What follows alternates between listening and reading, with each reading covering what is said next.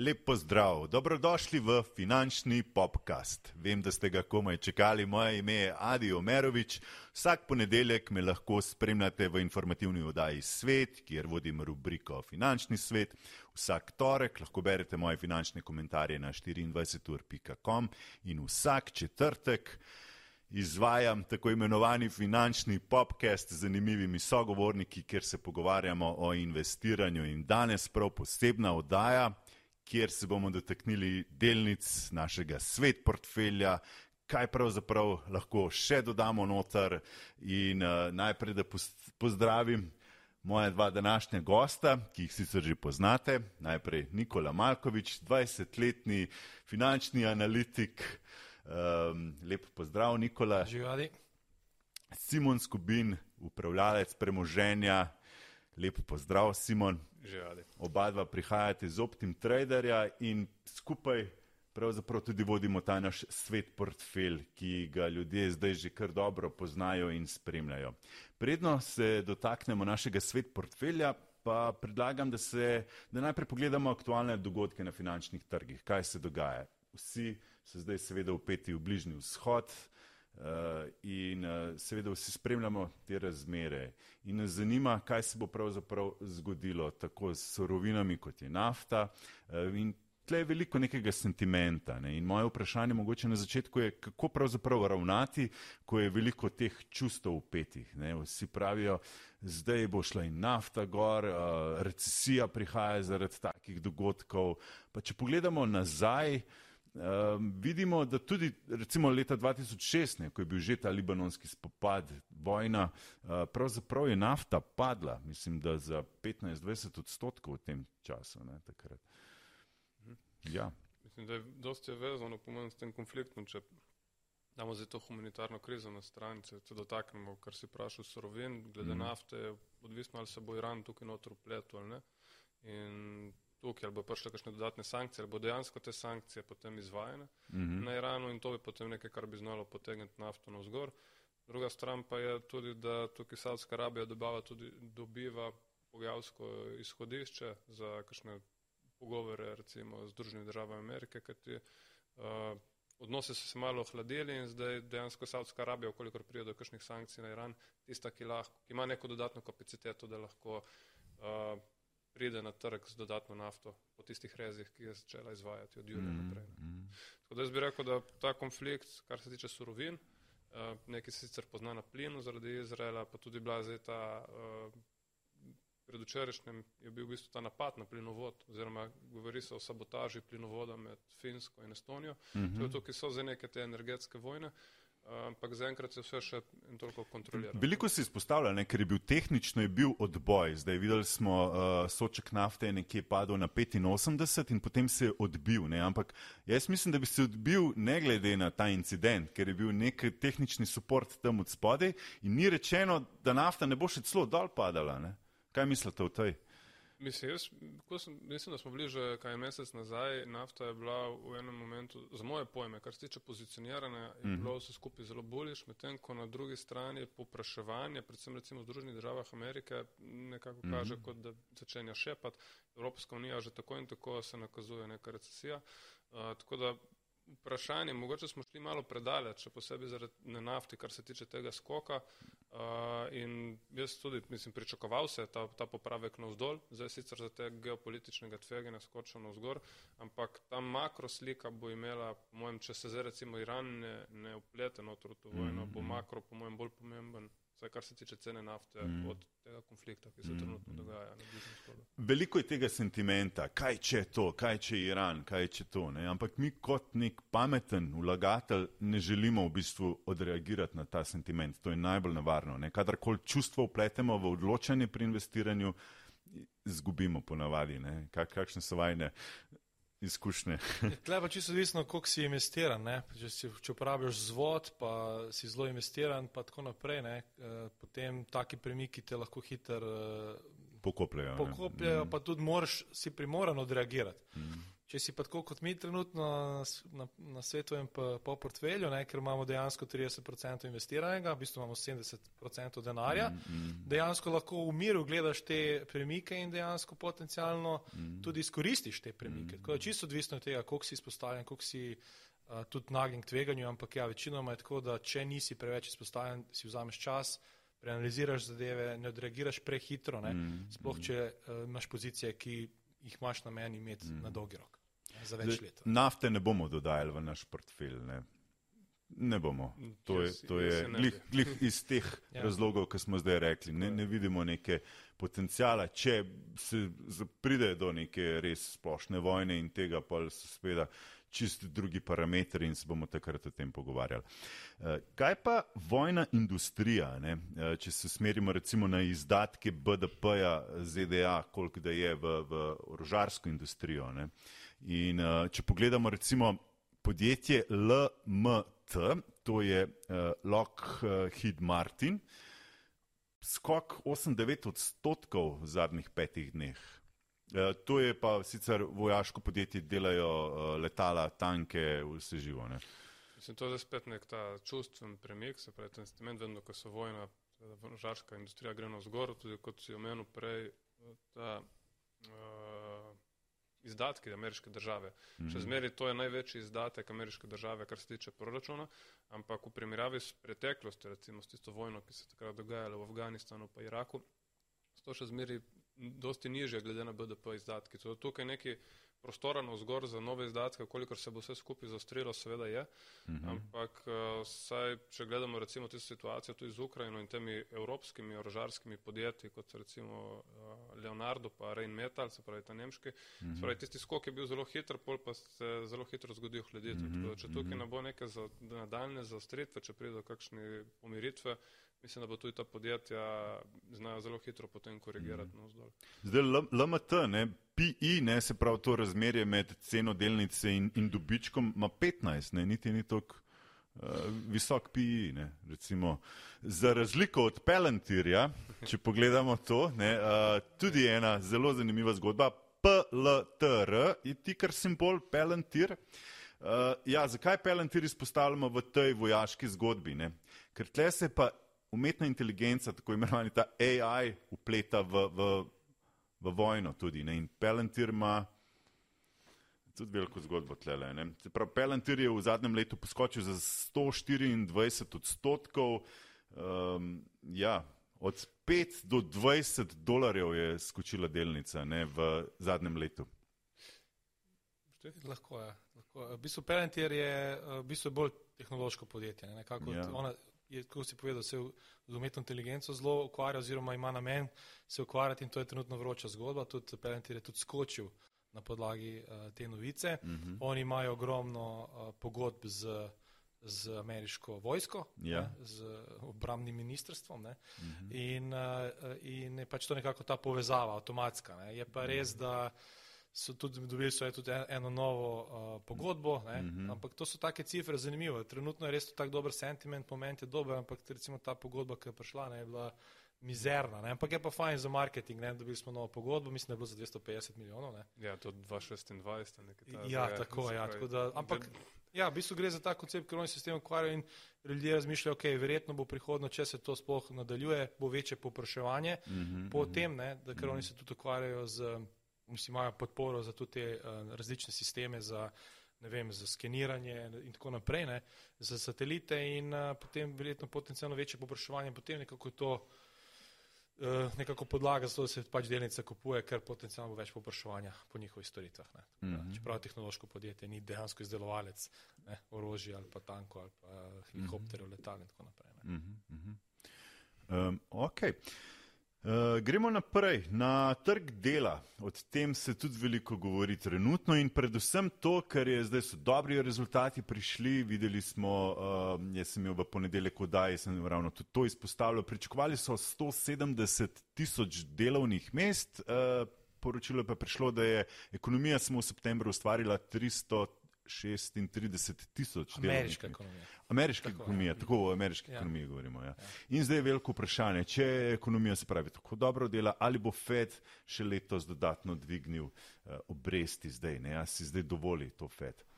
Petek je bil zelo zanimiv, no? to moram priznati. Uh, v bistvu ta podatek je na, na, na začetku prva reakcija bila v bistvu malce šokantna. Mm -hmm. šokantna. Jaz, sem, jaz kratkoročno gledam, zato pravim šokantna, ker sem pač gledal to v realnem času.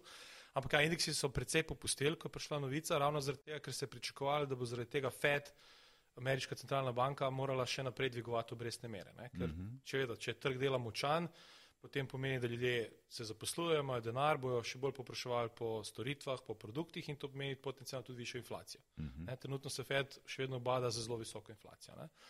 Ampak potem, ko so nekako, potem smo videli obrat, ne? nekako vse skupaj se je obrnilo, ta pogled se je obrnil, nekako se je sedaj dva pogleda stajanje, da so rekli, ja, ekonomija je še vedno dobra ne?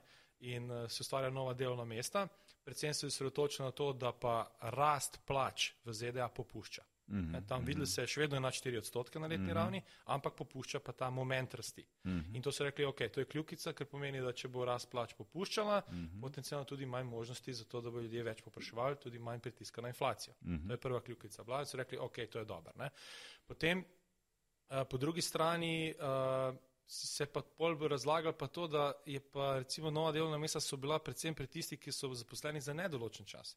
Medtem, če gledamo število zaposlenih za določen za, čas. Ne, pardon, za določen čas za določen, se je povišalo, uh mhm, -huh. Mhm. za tiste za nedoločen čas dejansko se je upadlo število. Uh mhm. -huh. Po drugi strani se reče, mogoče bo ni tako tok spet vroče. Uh -huh. In na koncu smo videli, da so se te donosnosti obveznic pre, precej, precej upadle. In smo videli pol skok na, na, na delnicah, je pa res, da tudi pozicioniranje bilo na delniških trgih zelo, zelo negativno. Uh -huh. Če se ne motim, Simon, hedge skladi, torej institucionalni skladi, so bili skoraj blizu rekordnih nivojev so stavili na palec. Uh mhm. -huh. In vsi so stavili na palec, in ko so vsi stavili na palec, je zelo hiter z kontrapremikom jih lahko iztisneš, kar pomeni, da so oni pol primorani zapirati pozicije. Uh mhm. -huh. če, meni, če staviš na palec, si šortal, potem, uh -huh. če zapiraš pozicije, kupuješ in s tem, ko mhm. kupuješ, dviguješ tečaje. Uh -huh. In je bil to idealen trenutek za to, da to naredijo. In smo videli tudi v petek, da je v bistvu.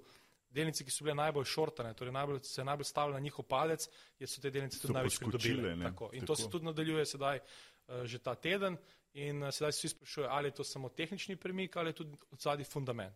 Ja. Uh, tako da je pa res, da so obveznice popustile tudi uh, donosnosti v ponedeljek, ko je prišlo do tega napada, ker denar je šel pol v obveznice, malo bolj varne naložbe ja. in je tudi uh, to popustilo. In sedaj takoj, ko obresti popustijo, ker to je trenutno najbolj vroča zgodba, ne, uh mhm. -huh. se tako delnice tudi se nekako stabilizirajo. Ne. Uh -huh. da, mhm. ta podatek z trga dela je bil nekako, vsaj zaenkrat, nekako ključen, po, ključen dogodek, ja. saj kratkoročno gledano za sentiment na trgu. Ne. Nekako nakazuje, da bo zdaj oktober boljši od septembra in prej avgusta, ne? da mogoče v oktobru bi lahko dočekali uh, nek Ja, tudi sezonsko. Ne? Mislim, najslabši, najslabši del, sezonsko, če gledamo 20. september, 10. oktober, to je za delnice najslabše, da smo jih mhm. prišli ven. Mm -hmm. Sprej zadnjič, ko smo se videli, mislim, da je bil kaj lih. Glik 20. september. Glik 20. pred Fedom, se pravi, ja. Fed je takrat preletel noter z eno konkretno ta hokiš retoriko, ne? se pravi, kako bomo mi zdaj to dvigali.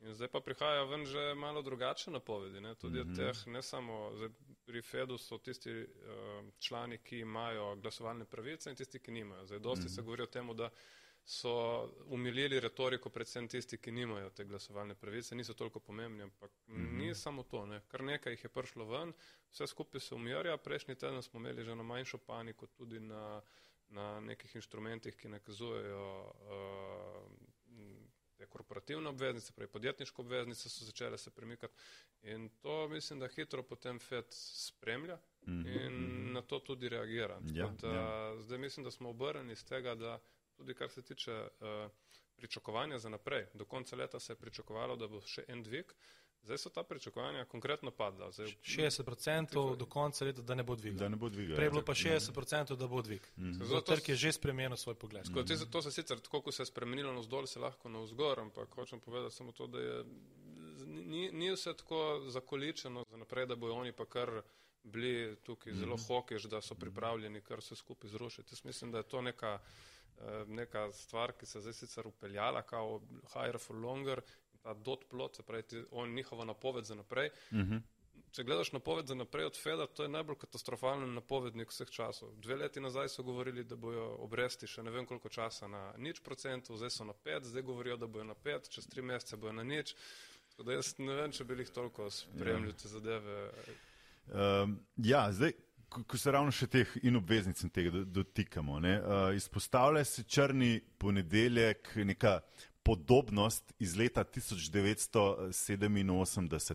Uh, mogoče samo da pojasnim, kaj se takrat zgodilo. Se pravi, ta črni ponedeljek je industrijski uh, indeks v ZDA padel v enem dnevu za 25 odstotkov. Uh, ja, zdaj se izpostavlja, da bi se podobno lahko zgodilo z Nasdaqom. Ne?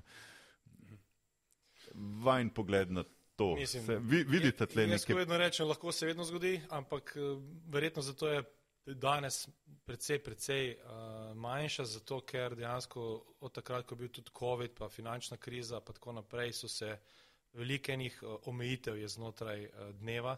Uh mhm. -huh. Takrat, ko je bil COVID, so se te temu rečemo, sprožilci so se večkrat sprožali. Kaj so to sprožilci? Sprožilci, recimo, borza je uvedla, da če recimo indeks, uh mhm. -huh. recimo, tudi pri posameznih delnicah je to, ampak recimo, če bi indeks, ne vem, Nasdaq, S&P padel za določen odstotek, uh mhm. -huh. zdaj ne vem točno, mislim, da recimo 10% znotraj dneva, Pet. se Koliko je? Pet, je pet, prvi, okay. prvi je že pet. Se ustavi trgovanje za 15 minut, da se malo pomirijo čustva, ne moremo tako reči, da se malo naročila stabilizirajo. Vsakih pet uh, procentov, ko pade. Ni vsakih pet, ampak Aha. mislim, da so pol naslednji še niže, ne? ampak ja, so določeni spet triggeri, tako da, da bi indeks padel za 25 procentov enem dnevu, mislim, da bi se mogli štirikrat ustaviti. Da, da, da trgovanje dan ne bi bil tako dolg. Ne? ne, mislim, da bi zaprli. Takrat se je špekuliralo v koroni, mislim, da smo imeli znotraj dneva dva limita. Dva limita, in takrat je bilo zanimivo. No? In takrat se je špekuliralo točno to, da določeni politiki so že govorili o tem, da imamo zapret borzo za 14 dni. Ne? Ja. Mhm. Nekaj take, hitro, hitro potem pride. Seveda se ne bi zgodilo, če bi skakali 5% na vzgor, ne bi noben rekel nič. Ta, začne, na gor ni omejitev. Ja. Na gor ni ja, ja. omejitev, ja. če pa začne padati, potem pa se zelo hitro začne gašenje požara. No, ja, da... to, ko je bil COVID, se spomnim, ko smo bili v pisarni in, in je to, naenkrat se bo vse rdeče, vse ustavljeno in smo tu gledali kaj se je zgodilo, internet padal, kaj, kaj je bilo. Smo pol videli, da dejansko smo videli, da je bil ta trigger in to je v bistvu nekako prvič bilo, da smo, da smo to doživeli mm. v času COVID-a. No. Ampak ja, če bi se kaj takega zgodilo dan danes, predvsem je možnosti, da bi v enem dnevu to padalo. Mm -hmm. uh. To, da ni bojazni, po mojem mnenju, realno, da bi do takega prišlo, no. ampak je mala verjetnost, zelo majhna. Mislim, da bo to zgodilo se v roku pol ure, se ne bo. Ne? Ja. Zdaj, lahko se pa zgodi zaporedoma, ja. da začne to padati. Sicer slediti tem indeksom ne, uh, je, je zanimiva stvar, ne, ker pravzaprav so bile tudi neke primerjave ne, med uh, najboljšimi finančnimi svetovalci in preprosto, če daš v nek indeks, kot je SP 500, ne, ki sledi ETF-u, pravzaprav zmaga ta indeks, ki sledi SP 500. Um, skratka, res dober donos, ne vem, zadnjih sto let v poprečju, ne, desetodstotni donos na leto. Uh, a bi ga mi mogoče vključili v naš svet portfelj, karkoli od tega, ne vem, recimo indeks, ki je vezan na S&P 500 ali pa na Nasdaq ali pa celo, ne vem, industrijskega. Po mojem, nekaj smo se že pogovarjali o različnih ETF-ih. Jaz mislim, da tako ta indeks SP 500 je tudi malo pomembno, kje ga kupiš. Uh mhm. -huh. Zato, če ti hočeš držati naslednjih sto let, je super, to se seveda kupi. Zdaj, v tem trenutku je mogoče tak sentiment, predvsem ta SP 500 je kar visoko. Uh -huh. uh, tako da tukaj lahko prideš na otvorenem momentu, ko dejansko potem zgrmiš na vzdolj. Uh -huh. Da tukaj mogoče malo še za razmisliti. Ampak. Žensko je zisno upravljalec premoženja, ampak uh, so določeni pogledi, da je včasih fajn imeti tudi ta indeks uh, v portfelju kot kor pozicija, kot neka pozicija, ki jo ne prodajaš. Ker mislim, moje izkušnje iz tega je, da če, recimo, če upravljaš tako, je vedno, da če greš gor, pa tvoj, portfelj ne gre gor, oziroma če gre indeks gor, pa tvoj portfelj ne gre, mm -hmm. nisi dobro naredil, če mm -hmm. pade, pa si ti padel manj, spet ni dobro, ker si izgubil. Mm. Eh, nekako vedno je ta primerjava, vedno se primerja portfelj z, z, z nekim indeksom. Ne. Mm -hmm. Je pa res, da vsak pri sebi se mora odločiti, kaj je njegov cilj. Ne. Jaz se ne rabim primerjati z SP-jem, če, če je že mene, za mene do 5% donos na leto, mm -hmm. ker imam pač ne, relativno več denarja ali pa obratno, imam manj denarja in želim več zaslužiti. Ne. Tako da jaz mislim, da v tem portfelju je fajn tudi, da malo timingiramo, da probamo, čeprav seveda statistike so na dolgi rok, ta timing uh, saj pri večini ne deluje, ampak uh, mogoče tudi eh, je tako, ne, vsi hoče biti pasivni, kot sem že doskrat povedal, dokler ne pride do večje korekcije. Ne, recimo, že, že pažem tako pri nas, ko kakšna delnica zaniha nadol, je veliko klicev. Mm -hmm. Ja, kaj se zgodi. Druga je pač ti ta denar ne rabiš 20-30 let.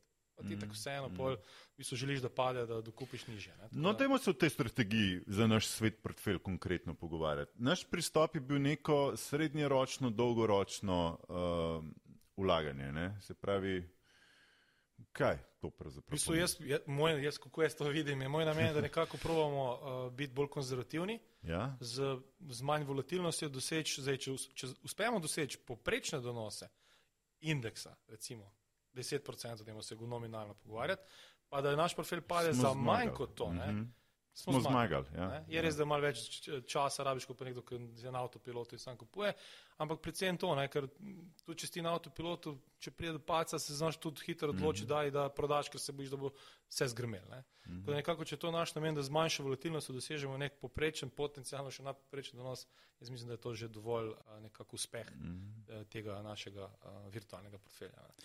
Eh, mogoče na tej točki, če gremo zdaj v naš virtual, mislim, naš portfelj svetu in si pogledamo, uh, kaj pravzaprav imamo noter, uh, seveda mnogi to že poznate, torej 30 odstotkov imamo v delnicah in sicer 5 odstotkov v Alibabi, stiker s stiker simbolom Baba, potem imamo 5 odstotkov Disneyja, simbol DIS, potem imamo 5 odstotkov luksuzne tako imenovane delnice LVMH Louis Vuitton, ki smo ga kupili na francoski borzi, zato je tiger MC. In potem imamo Peabody Energy s simbolom BTU. In pa še zlato in srebro uh, je pa Pan American Silver, simbol PAAS, ki smo dodali dodatnih 5 odstotkov in to vse skupaj predstavlja 30 odstotkov. Ljudje sprašujejo, zakaj tistih ostalih 70 odstotkov ne porabite, zakaj držite to v denarju. Čakamo na priložnost. Bravo, Kdaj bo ta ja. priložnost? Ja, ja, priložnosti so vsak dan, pravijo. Da, ampak ja, um, mi predvsem pravimo nekako, kot sem povedal, biti konzervativen. Ne, če neke delnice rinejo gor, vsak dan je mogoče malo teže to pol uloviti, ne? ker mm. tudi mhm. korekcije so pol potencialno uh, večje. Da, uh, recimo, če se mogoče malo obrnemo za to potencijalno priložnost, ne? danes oziroma včeraj zvečer je objavil poslovne rezultate Louis Vuitton, ne? Mm -hmm. torej MC ne? na francoski mm -hmm. borzi in to je naša delnica in uh, rezultati niso bili najboljši, da imamo tako reči. Mm -hmm. Vse je relativno. Ampak še skozi pozitivni. Še, ja, tako, v bistvu, niso, Ja, mislim, tako je. V, v financah je tako, da vedno moraš primerjati rezultate, ne vedno. Pač primerjajo se rezultati za pričakovanje. Ja. Ker če trg pričakuje, da se nekaj zgodilo, naj bi to bilo že v ceni. To je nekako filozofija mm -hmm. tega koncepta. Ne? In pač podjetje je objavilo v zadnjem, v tem tretjem kvartalu, rast prihodkov v višini 9%. Prejšnji kvartal je bilo pa 14. V, zadnjih, v, zadnje, pr, pr, v prve ne. pol leta je bilo 23. Mm -hmm. Prvih šest mesecev je bila rast prihodkov 23%, zdaj pa 9%. Okay. In, eh, ampak vi, še vedno raste, še, še vedno, vedno raste, je 9 odstotkov več. Ja. Mislim, da smo na prvem podkastu smo se o tem pogovarjali, da je ja. pomembna je sprememba rasti. Če mm -hmm. eno podjetje raste za 9, pa je prej raslo za 20, je to se gleda kot negativno, mm -hmm. ker se popušča uh, moment rasti. Mm -hmm. ne, to pomeni, da če gre iz 15 na 9, glak iz 9 na 5, iz 5 na 4 in potencialno imamo tudi upad rasti. Jasno, jasno. Mm -hmm. uh, tako da so dejansko odreagirali uh, vlagatelji negativno. Mm -hmm. Mislim, da je danes delnica minus 6. In uh, sedaj je vprašanje, ali kupiti ali dodati, ker vemo, da smo kupili za 5%, to je polovična naša pozicija. Mm -hmm. Nekako smo rekli, da bomo imeli približno 10% kot je naša polna pozicija in to smo pri Pan American Serial tudi izkoristili, ko je bilo padec, smo dodali mm -hmm. ob pacu, -hmm. da smo si nekako znižali to poprečno ceno. In sedaj se sprašujemo danes debata, ali dodati teh 5% še v Louis Vuitton ali ne. ne? Mm -hmm. Moj pogled je, da bi še malce počakal.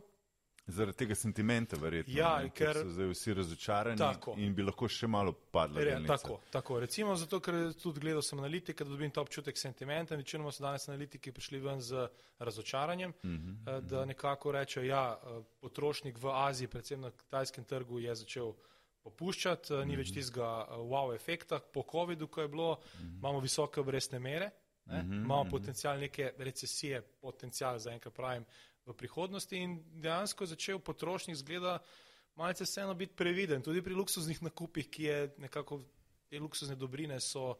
Imajo, da so zelo, ne, eh, zelo neelastične. Zelo, mm. Ljudje vedno odporne so. Zelo so odporne. Uh, Ampak kot ja. kaže, vseeno te visoke obrestne mere globalno gledano mm -hmm. kažejo nek učinek, zato da so te, te eh, ljudje, ki kupujejo luksuzne dobrine, začeli malce biti previdni. Mm -hmm. Tako da -hmm. jaz bi malce počakal, mislim, da je en tak zelo tehnični nivo okoli 665 evrov na, na tej delnici. Mm -hmm. Danes, preden smo začeli snemati, je 682 bila mhm. cena delnice, tako da če bi mogoče prišel na ta nivo, ker jaz še vedno menim, da se sentiment zelo hitro lahko obrne. Sploh, okay. če bo Kitajska se stabilizirala. Ne? A se kar uh, rečemo, da avtomatsko gremo v nakup, če pade pod 650? 665. A, 665. Jaz bi mogoče spremljal, pa če vidimo, da se tam delnica stabilizira, bi potencialno šli pol nakup. Ker če, če zadeva sam pada, pada, pada, pol.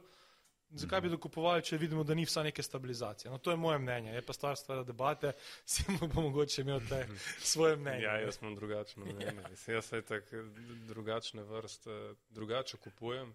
Jaz tudi to tehnično, ta tehnični premik je šel, je šel recimo na tiste, zdaj so spet te tehnična slika, ne, ko spremljaš graf. Zdaj, tiste, kar si jaz sam sebi izrisujem, je danes, ukolikor ne zaključimo po 670, je To meni zanimivo, je pa pol problem, če se prebije recimo te nivoje 670, 665. Recimo, da na tedenskem nivoju zaključiš potem, potem moraš ponovadi to pozicijo zapreti. Spravi, moja mhm. strategija bi bila taka, da če danes zaključimo nad 670, bi se to dodalo in kolikor bi potem do konca tedna prebili pod te nivoje, se pač ta pozicija zapre. Ampak lahko tudi mhm. počakamo, mogoče je ta bolj, ja. bolj, bolj safe zadeva.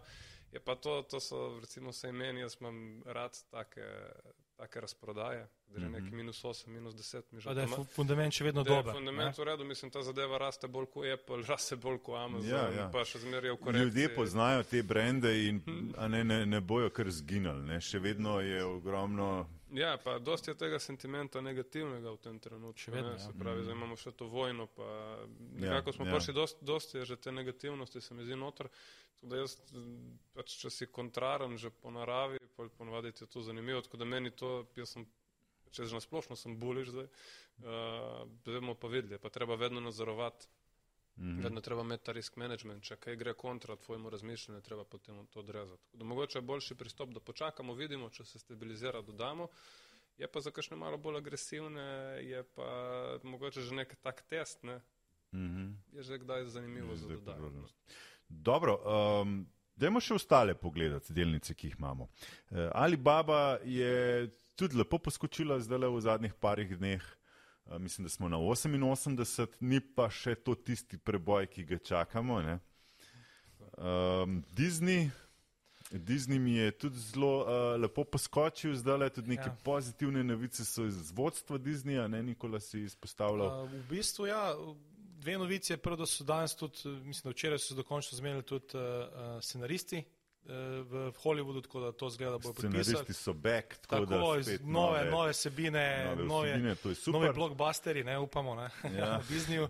A druga stvar je pa, Nelson Pelc je tak en uh, investitor, mislim, da postaja en, en izmed večjih investitorjev, ja. ki je tudi aktivist, poskuša nekako, tak, da, da ima takšen delež v firmi, uh, v podjetju, da tudi zahteva tudi uh, nekako uh, da je v upravi, uh -huh. da mhm. lahko dejansko vpliva tudi na odločitve podjetja.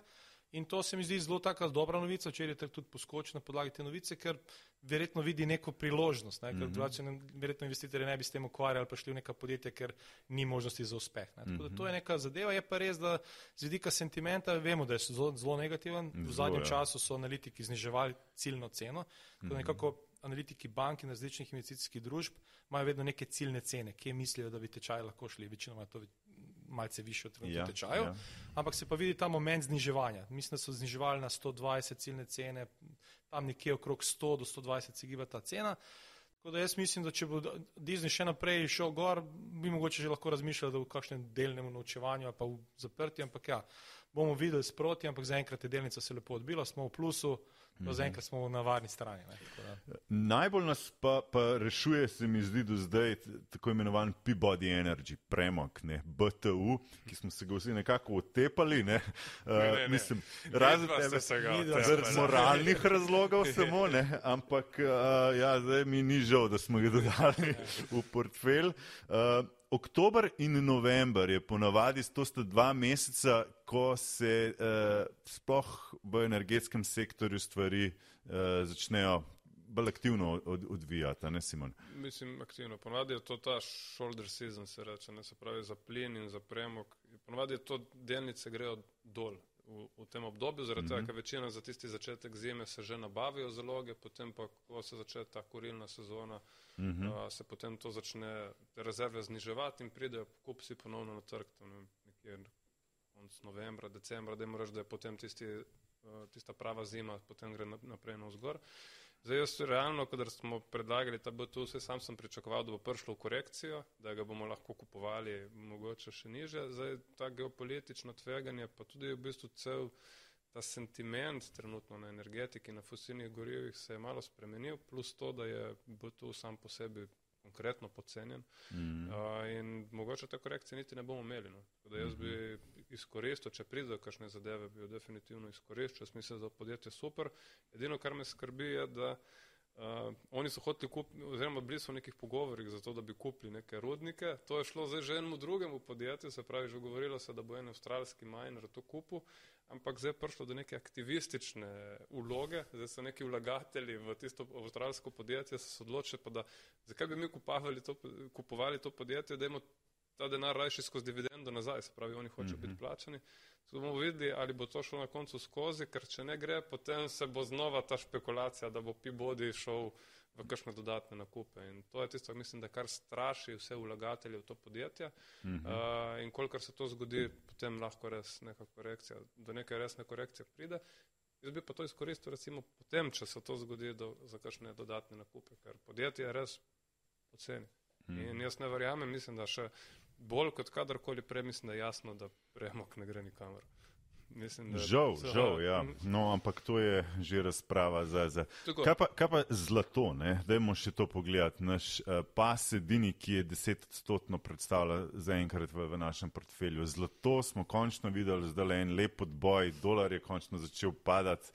Um, So, to je spodbudno. Ta spravek se je zgodil, ker Nikola rekel, da je to šprinter. Ja, naš šprinter si je zelo mnogo, zdaj na rehabilitaciji in počiva na 14. ja, v bistvu, pri, ja, dodali smo ga relativno dober. Jaz osebno sem mislil, da bo, eh, da bo zadeva, kar se sula se, v petek po rezultatih.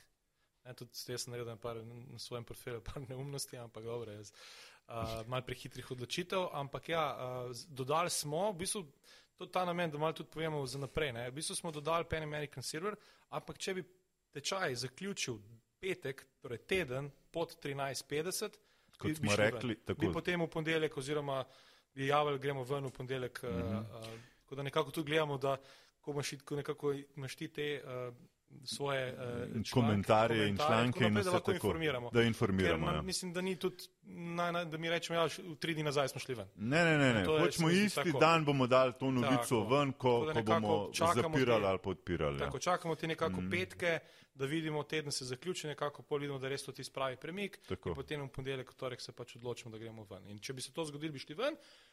Na srečo se je to zdaj stabiliziralo, tako da smo v zelo majhnem minusu na mm -hmm. Ameriki, ampak za 10%. Torej, če bi tečaj se tukaj bil, se pa začne pa malo boljši, večji premiki na, na portfelju mm -hmm. Teh, tehnično smo kupili idealno. Idealno, ja. idealno smo, zdaj, smo, ja. Mislim, to je tisto, kar se išče pri postopnem tako. dodajanju. Tako, tako, tako se dodaja, tako da tako drugače ne gre.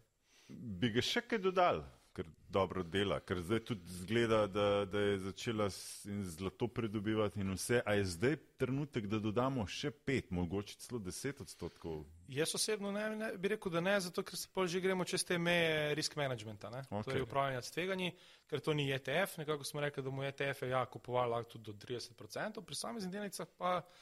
Zaenkrat mogoče ne, jaz mogoče razmišljam, da, da bi dodajal, ko bi imeli nekako odprti dobiček. Mm -hmm, Pol nekako mhm. tvegaš odprti dobiček, ne pa svojo investicijo v mhm, podjetje, mm -hmm, v delnico, tako da jaz bi zaenkrat počakal z dodajanjem. Ne, definitivno. Tudi pri zlatu je treba držati, če že imaš neko izpostavljeno posamezne majnere, to so izjemno volatilne delnice. Sicer donosi so lahko zelo dobri, ampak je predvsem treba kontrolirati potencijalne pace. Zdaj težava mogoče pri zlatu tudi je pri teh ETF-ih, zaradi tega, ker uh, znotraj tega indeksnega sklada so določene, sam smatram Pan American Silver za izjemno dobrega minerja, mm -hmm. ampak znotraj tega ETF-a so potem tudi nekateri, ki so pač zelo slabi in tukaj mm -hmm. zdaj mhm. prihajajo te rezultati, ki bojo, po mojem, zaradi tega, ker je v tretjem kvartalu nafta konkretno skočila in je to zelo velik strošek teh mm -hmm. proizvajalcev, mm -hmm. bo verjetno pritisk na marže velik. Tako da zdaj, ukolikor zdaj zlato res odleti, se bo to nekako pozablo. Uh, ukolikor pa zdaj ostanemo na teh nivojih, bo to konkretno v pozornosti in to lahko potem na nekem ETF-u hitro vpliva na to, da padeš, kljub temu, da si kao diversificiran. Tudi je mogoče boljše tukaj biti pozoren, pa potem videti, mogoče je tu kakšno drugo podjetje, če pride do kakšnih dodatnih popravkov. Mm -hmm. Dobro, rekli smo ETF-e, to je tista zadeva, ki bi jo dodajali. V vodoma smo prej že izpostavili teh par znanih ETF-ov na Nasdaq, na, na S&P 500. Um, zdaj imamo pa pripravljenih tlele par ETF-ov, ki si jih bomo malo bolj podrobno pogledali. Pa prvi je uh, tiker simbol, torej VG2E. To je pravzaprav dividendni ETF. Uh, kaj je noter? 1763 uh, eh, delnic. A to si zapomnil ali pre, si prebral? Ne, to zdaj prebral. okay, torej, uh, je pa noter, recimo, če jih par neštejem, kaj je noter, recimo Exxon, JP Morgan, uh, Johnson Johnson, od semikonduktorjev je se prav uh, Broadcom, uh, Nestle je noter, od, farmace od farmacevskih družb Merck. Um, tako. Ja, vsaka delnica predstavlja nekje odstotek do odstotek pa pol. Ne. Verjetno pol še malo. To, to so tiste te glavne, recimo, ki predstavljajo odstotek, odstotek pa pol tega ETF-a. Ja. Zdaj, ja, največ teh delnic je iz Amerike, nekje 40 odstotkov, potem sledi 8 odstotkov Japonska, Združeno kraljestvo 7 odstotkov, nekaj 5 odstotkov Švice in 37 odstotkov so ostali. Se pravi, kar 24 eh, odstotkov je pa finančnega sektorja.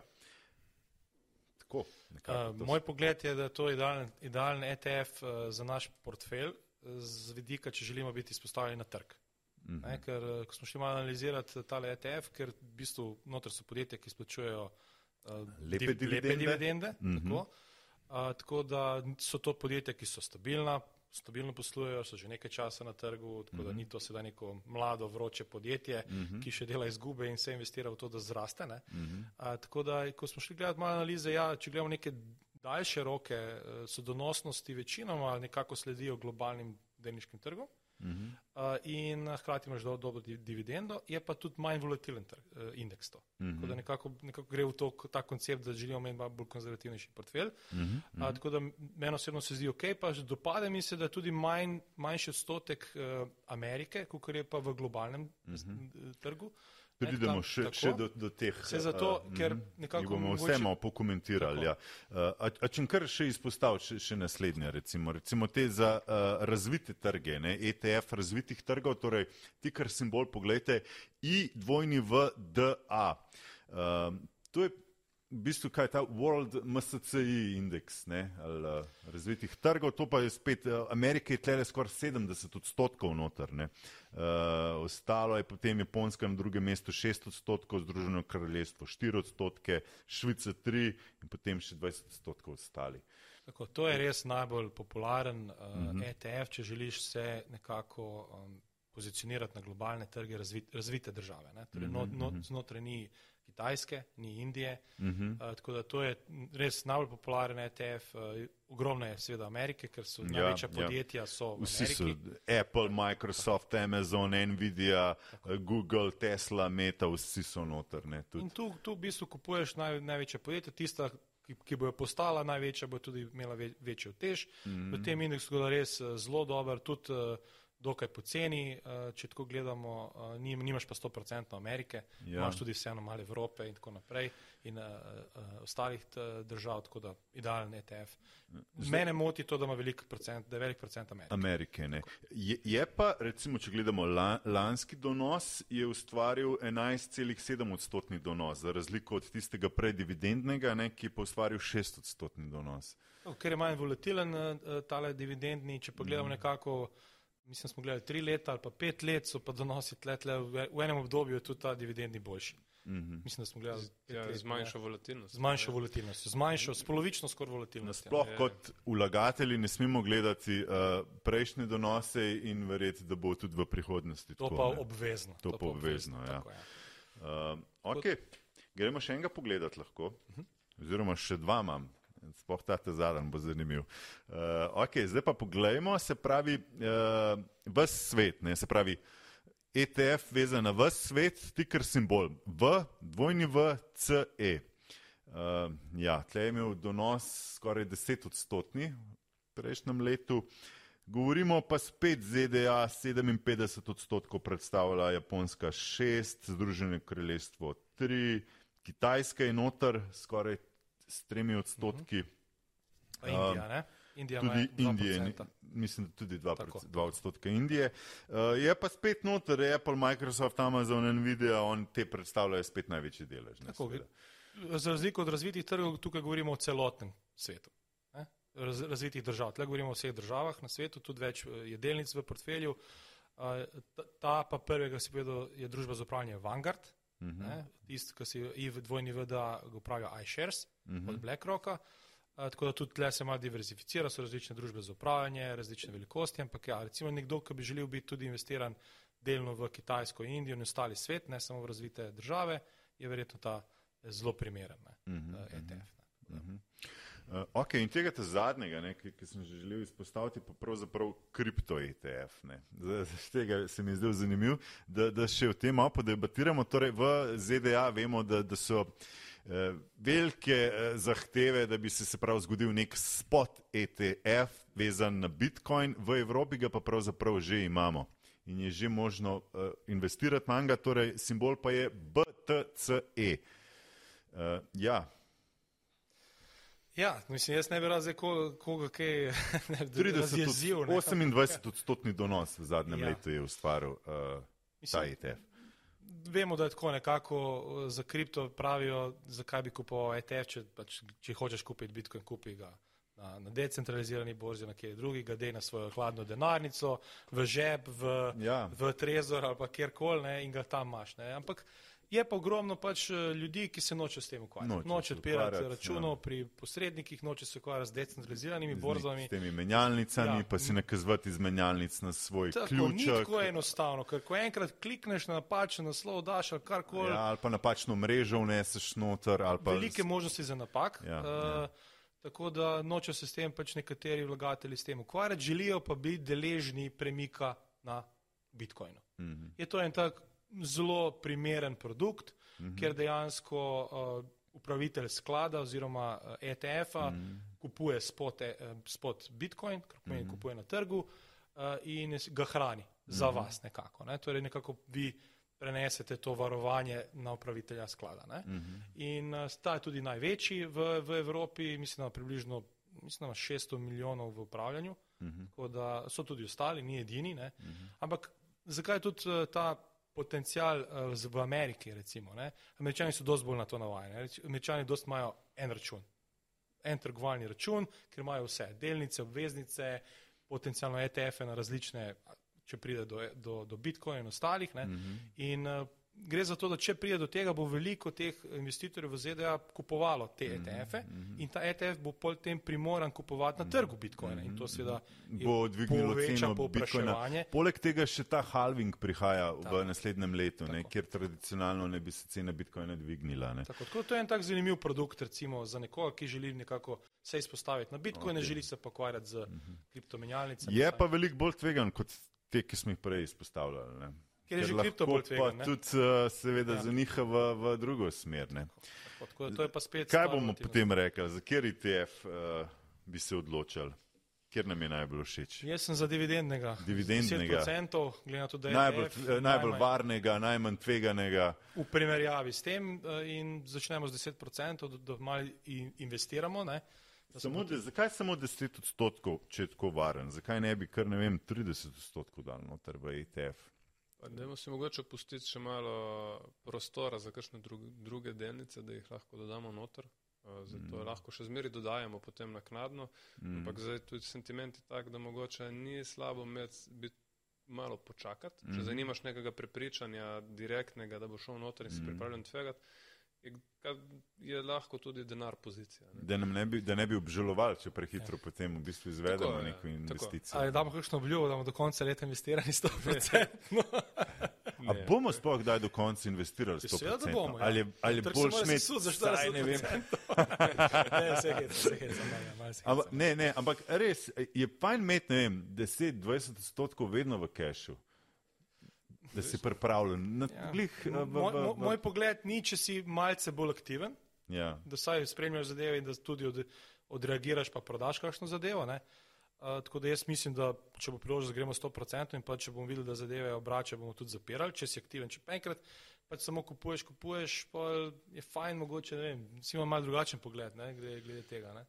Mislim, jaz nikoli... sem, ko sem se s Simonom vedno pogovarjal, sem vedno pravil, Simon, daj boš ti 100% investiral, ne, in zdaj. Mislim, da zdaj, ja, tako, zdaj. Tako, on zdaj vidi toliko priložnosti na trgu, pa pardon, ko govorim o tvojem imenu, ne. ampak on vidi toliko priložnosti, da enostavno je zdaj to to in je to šansa. Ne? Ampak mm. on je mhm. tudi aktiven, tako da potencialno, če bo priložnost za it ven, pa da mora iti ven, bo tudi spet šel v denar. Ampak ja, za neko aktivno trgovanje, investiranje, cash je pozicija, no? denar mm. je mhm. pozicija. Mm. Ja, odvisno je samo, koliko si ti aktiven. Ne? Če si pripravljen, da lahko zelo hitro režeš, je to ena zadeva. Zdaj, če imamo mi plan držati zadeve malo dlje, je boljše čakati na neke priložnosti, ko se res vzpostavijo. Tega, ker mm -hmm. samo kupovati brez glavo, to ponovadi prave priložnosti so enkrat, dvakrat na leto. Mm -hmm. In jih, ko jih vidiš, jih treba izkoristiti. Problem si ponovadi narediš, ko trguješ neke pol priložnosti, zaradi tega, ker ti rata dolg čas. Mm -hmm. Recimo, neke mm -hmm. te, te stvari, tako tukaj treba biti zelo pač, rigorozen in mislim, da so te za večino normalnih vlagateljev je bilo najboljše, kako dejansko funkcionirajo Warren Buffett in podobni, kako so funkcionirali v preteklosti. Narediš mogoče eno, dva, tri odločitve na leto, štiri odločitve na leto. Uh, ampak tiste res prave, malo večje, uh, boljše kot mogoče deset na dan, pa mm. deset slabih, ne, ali pa devet slabih, pa eno dobro. Tukaj Torej, kvaliteta ni... nad kvantiteto, de, se pravi, mislim, bolj premišljene definitivno. Eh, tehne odločitve. Pa... Indeksi so relativno še vedno visoko, ja. če gledamo, še vedno so visoko in če pride do kakšne korekcije na trgu, recimo, ne, se vemo, da zdaj sentiment je pozitiven, da tudi sezonsko naj bi trgi šli gor, ampak če pride pa do korekcije, pa komu odpol izkoristimo, pa dodamo, da mm. ETF lahko imamo tudi do 30%. Mm. Uh, no, vse zato. Začel bi pa kaj z 10 odstotkov, recimo. To je, recimo. Mm z 10 odstotkov začnemo. Dajmo zgraditi počasi pozicijo. Če bo zdaj odletelo, bomo še zmeri zraven temi 40 odstotki. Pa 5% spremljamo tudi za, za Louis Vuitton, uh mhm. -huh. ki bi znali, glede na to, kako se dogaja. Pa ali babo, ne? Pa ali babo, ja. To so zdaj, recimo, in pol prijemo na 50% in potem smo na, še vedno pa spremljamo itak vsak teden, vsak, uh, vsak dan v bistvu. Ne.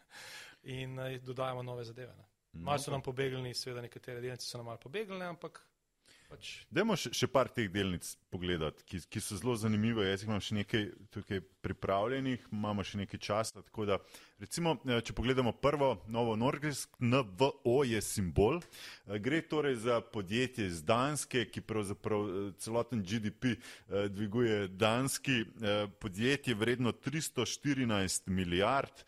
Um, delnica je od 50 do 100 evrov se v zadnjem letu gibala. Dolarjev. dolarjev. Uh, dolarjev. Uh, PI je pa 44, nekaj precej visok, uh, zato je tudi mi smo skeptični do tega nakupa. Uh, ja, je pa.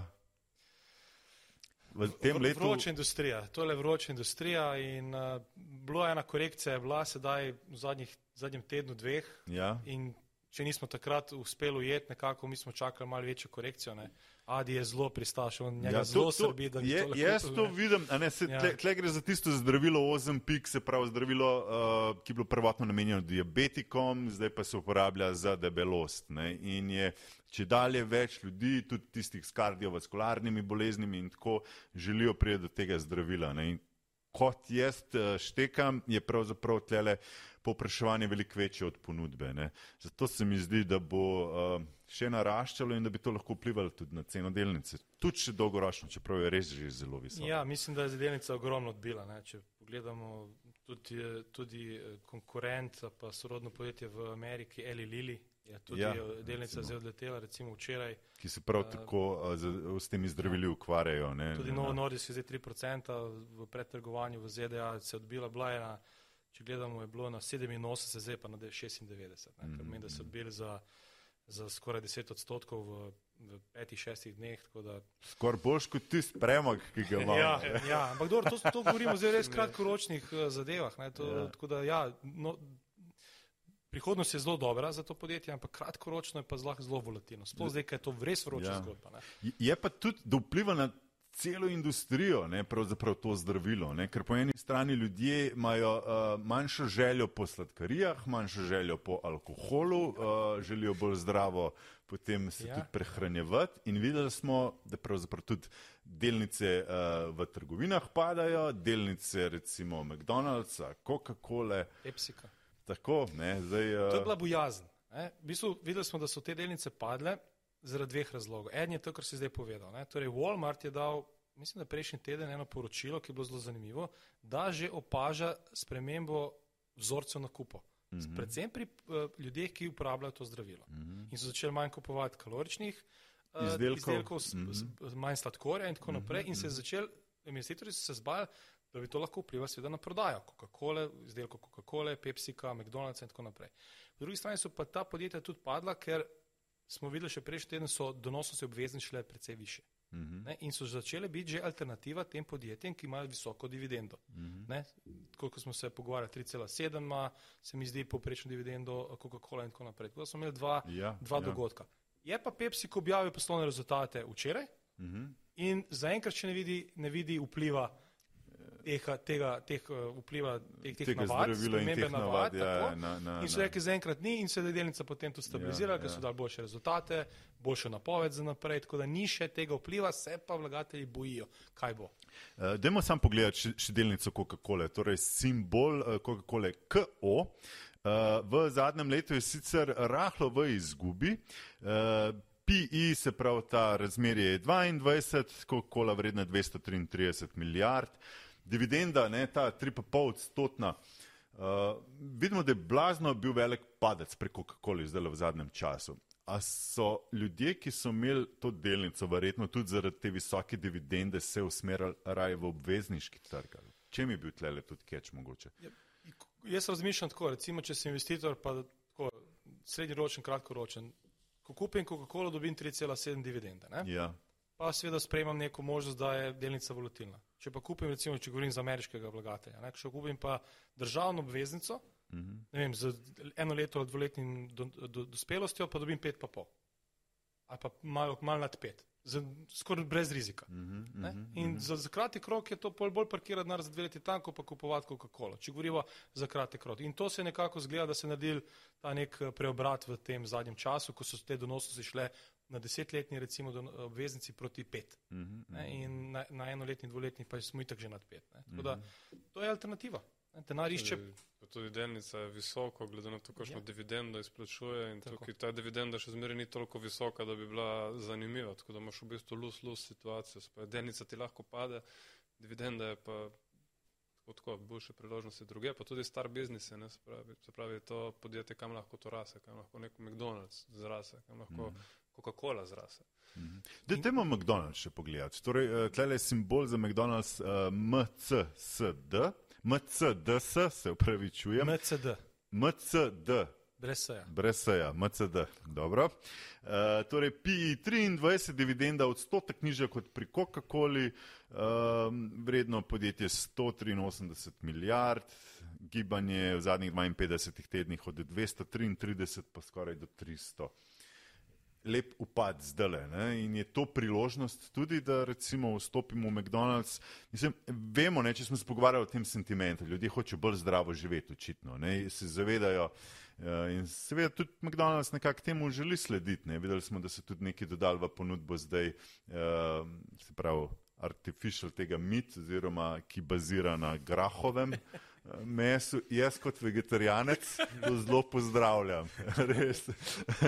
Eh, všeč mi je, da ljudje razmišljajo o to, ne, da dolgoročno. Ja, uh, tudi VHO ne, na zadnje, ne, ko je rekel, ljudje se moramo zavedati, da tok mesa pač ne smemo več jesti in da je to tudi nevarno za izbruh novih pandemij.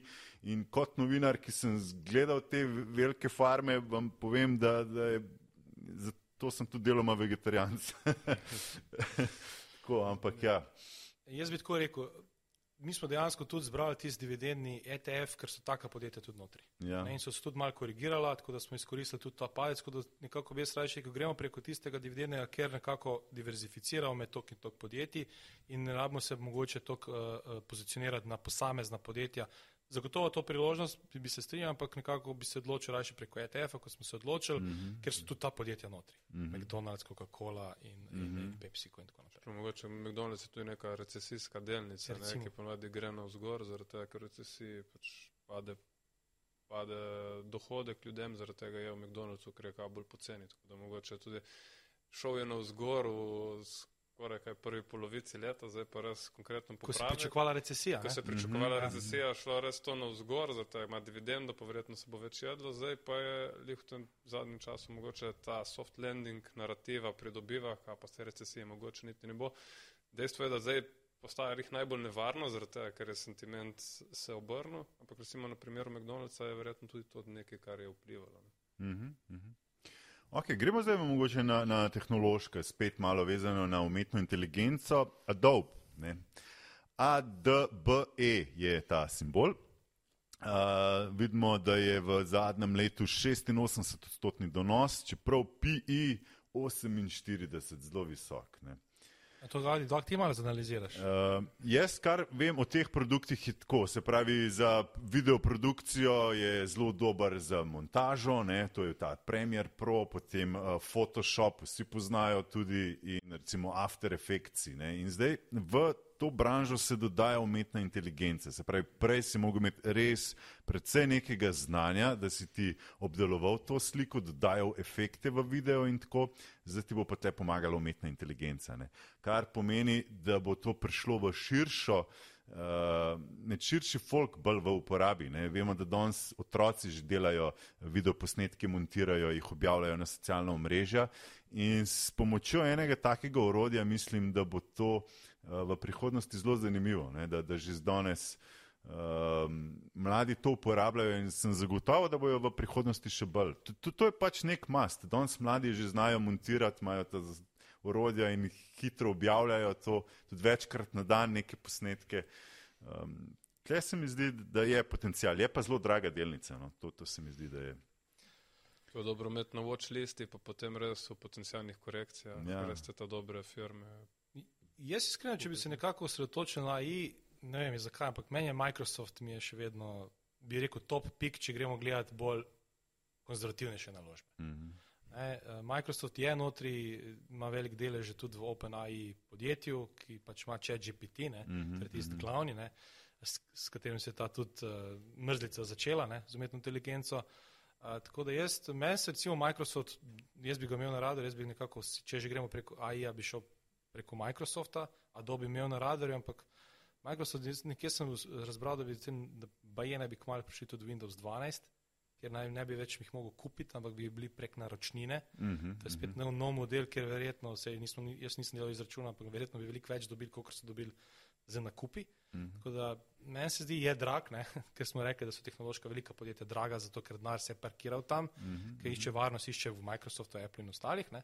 Ampak Microsoft pa Adobe bi jaz spremljal in če bo kakšna majšna korekcija, bi, Je pa tega nje, da zamudimo. To je pa vedno tveganje te konzervativnosti, ja, ja. da bo te delnice šle brez nas na gor. To, in... Začetku leta Nvidia, ki je bila vem, 150-180, ja. pa je že izgledalo, oh, to je tudi že preveč že mm. napihnjeno, ne? pa smo videli, da je prišlo do 500. Ne? To je tveganje te konzervativnosti, ja. je, da pač da zamudiš. To je pač neka, neka premija, ki jo moraš plačati, da si bolj konzervativen. Ja, ja koliko te to srbi, koliko, koliko je to pomembno, je pa stvar odločitve vsakega posameznika. Mm, mm. Tako da, da zagotovi pa bi jaz imel vsaj 10% portfelja v tej AI zgodbi, če ne potencijalno več. Še ena zanimiva zgodba, ne, ki jo vsi poznamo, tle Tesla, se pravi simbol TSLA. Uh, Tesla sem pa izpostavil zdaj zaradi tega, ker uh, se govori o tem superračunalniku in o avtonomnih uh, vozilih. Pravzaprav bi oni ustvarjali neko taksi službo, kjer bi bile avtonomna vozila Tesle. In uh, zdaj napovedujejo, da bo ta delnica zrastla. Seveda, to je zdaj samo zgodba v oblaku, še ne ja bomo prišli do te stopnje, je pa daleč. Če pa pridemo, seveda je pa to totalni game changer. Ne? Potem smo spet zamudili, verjetno, ne? ker je delnica že zdaj zelo visoko. Oziroma, ja. uh, vezano na to je pa še eno podjetje, ki je pa simbol Uber. UBR, Uber uh, v Sloveniji žal ga nimamo, ampak v svetu je pa to pravzaprav preko aplikacije kot neka posredniška taksi služba, no, tako za tiste, ki ne poznajo, ampak uh, ti dve podjetji ne bi skupaj sodelovali, ne, se pravi, če jaz prav štekam, bi Uber nekako uh, dal svoj software, In Tesla na drugi strani, se pravi, avtonomne avtomobile. In v kombinaciji teh dveh skupaj bi potem uh, dobili neko novo uh, transportno opcijo. To je, to je zgodba. Mislim, da moram biti hiter, ker drugače bomo lahko predolgi, ne? ampak ja. je zanimiva zelo zgodba. Um, Tesla je že nekako znana po tem, da doskrat, že odkar je začela biti zanimiva, trguje na podlagi nekih upanj, pričakovanj mm -hmm. in tako da je tudi dra, dražja zaradi tega, se da nekako zdaj dosega te neke, neke, um, ta neka predvidevanja. Je pa to nova zgodba, ta nov, ki si zdaj povedal, glede avtonomne vožnje in to, ker drži delnico visoko. Mm -hmm. Tudi so zadnji, zadnji podatki, da so, da so manj prodali avto, kot so se pričakovali, delnica je kršla gor, so, mm -hmm. so jo pokupili. to je ena taka res kultna delnica, ki, kultno podjetje, ki zaenkrat ima zelo močno podporo vlagateljev. In uh, pač stavijo na Elona Maska, ki se je že dokazal, se še najverjetneje verjame, da se bo še dokazal mm -hmm. tudi s tem. Da, ja. S tem Twitterjem je spet ideja, oziroma zdaj X, X, X ja. ne, da, da bo šel spet nazaj kot delnica. Ne, to je ja, velike ena... špekulacije, čeprav ne verjamem, da bo zdaj, ker je evaluacija po mojem zelo nizka. Ampak je cash flow, full, sprav, denarni tok je popravil, je popravil ne, ker je te naročnine, ja, te modre ja, kljubce ne omogočil ja. po 8 dolarjev na mesec. Tako pa zdaj je Twitter Pro, TweetDeck si prejmel, da si imel te preglede, zdaj pa to moraš plačati. Tako da ja, začel je malo tržiti Trži, zadeve tako, ja, reči, ja. in, in uh, pripeljal denar v podjetje. Za Uber, jaz iskreno, Uber trenutno se mi zdi zelo, zelo zanimiva delnica. Mogoče za naš konzervativni portfelj ni to, ker je malo bolj volatilna, ampak mm -hmm. meni se zelo dopade z vidika, ker so res začeli so biti profitabilni z poslovanja. Prvič, da so v kvartalu, v enem trimesečju, zabeležili poslo, eh, dobiček iz poslovanja mm -hmm. in zgleda, da so zdaj začeli z zniževanjem stroškov in vse in so začeli biti profitabilni. Oni so zdaj investirali tok in tok let v rast, v to, da se pozicionirajo in zdaj končno so začeli dela dobiček. Uh mhm. -huh. In tudi potencijal, da, se, da pride v SP 500 indeks, kar pomeni dodatno popraševanje, velikih skladov in tako naprej. Tako da meni se osebno zdi ok, je res, da je spet relativno visok, ker je pač že trg visok, uh -huh. Mhm. ampak bi, bi imel na radarju in iskal priložnost. Je pa problem Uberja, da imamo vedno neke probleme z, sveda, z delavci. Ne? Vedno v različnih državah pride, ja. ker seveda to so gig workers, to, to v bistvu nimajo nekega nekega statusa, ne? to niso ja. delavci, ne? Mm. to vsak, vsak dela zase in mm. pač služi in v vsaki državi so vedno neki problemi, ampak zgleda, da dobro to rešujejo zaenkrat. Mm -hmm. Tako da Uber je delnica, ki jo moramo po mojem imeti na radarju, jaz mislim, da potencialno na dolgi rok lahko tudi gre proti 100, trenutno smo okoli 46. Mm. 70 odstotkov je v zadnjem letu zrasla delnica. Ja bila je na 20, pa se je odbila, seveda zaradi te bojazni po COVID-u, ne, se uh mhm. -huh. bal, ampak ko je bil COVID, jih je reševal pa ta delivery business, torej uh mhm. -huh. podobno kot je pri nas Volt ali pa uh mhm, -huh. Glovo, ne, oni so s tem v Ameriki so fenomenalno delajo uh mhm. -huh. in to jih reševali v času tudi COVID in tako naprej. Ne. Ja, se pravi, zdaj, če bi tle Tesla omogočil pravi, delovno silo, ne, ki je pravzaprav avto, avto ja. ne, sam od sebe, po, po letu neustavljiva zgodba. Potencijal je, kot se sliši, ja. še fenomenalen. Zato pa so tudi, tudi drage te evaluacije ne, mm -hmm. na Tesla. Ne. Mislim, Elon Musk mora ohraniti idejo, mislim, idejo oziroma ali to ideja ali realnost, da je Tesla tehnološko podjetje, tega, ker v tistem trenutku, ko bo evaluacija bila na podlagi tega, da je avtomobilsko podjetje, znajo imeti zelo velik problem in to mislim, da se je vzelo lani. Tako. Zdaj se spet so malo obrnilo, ampak to, kar prihaja ven z Kitajske, to je, jaz ne no, vem. To je pa tudi zelo zanimivo, ja. E, ja. Kar se tiče nove proizvodnje, jaz osebno ne vidim, kako bi, kako bi lahko oni kotirali. Kako bi, ja. kako bi lahko oni zdržali tako maržo prodaje avtomobilov, ko imajo v tem trenutku, ampak dajmo se pustiti presenetiti, on je že dosti krat v bistvu utišal kritike. Mhm. Vidi, bo... Zaenkrat mu, mu gre dobro. Zaenkrat mu gre dobro, ampak dejstvo je pa, da ima tudi na, dosti na tej ideji, kar se tiče pa njihovi prihodki so iz prodaje avtomobilov. Mhm vseeno so, uh, pa recimo nek Ford in tako veliko več avtomobilov proizvedejo. Ja, tukaj je bil Simon, ne trguje delnic na podlagi tega, trguje ja. na podlagi tega potencijala, da je to tehnološko da je to podjetje. Tehnološko podjetje. Ima potencijal, da prodajajo pa avtomobile. Ja, ne, neverjetno, koliko ljudi sem že slišal, ko so rekli, pa se to sploh ni avtomobilsko podjetje. Ja, ne, okay. ja je, je, je. um, dobro, da zaključimo danes. Ne, tale urca je res spet hitro minila. Uh, torej, 10 odstotkov bomo dodali v uh, dividendni ETF. Globalni. V globalni dividendni ETF. To je pa to v bistvu. Ne? Še skozi bomo pustili 60 odstotkov v denarju. Tako pa spremljamo še. Pa spremljamo Louis Vuitton in Alibaba za dodajanje. Torej, dodali bomo v G, dvojni v E, to je ta. Ne? Svetovni dividendni ETF. Tako. Hvala lepa za obisk v tem studiu, za ta res prijeten pogovor. In tudi hvala vam, spoštovani gledalci in poslušalci, za pozornost. Sledite nam seveda naprej. Vsak četrtek bomo z vami diskutirali, kam v investirati, kaj se dogaja v svetu, na finančnih trgih. Hvala lepa za pozornost. Hvala vama. Hvala. hvala. hvala.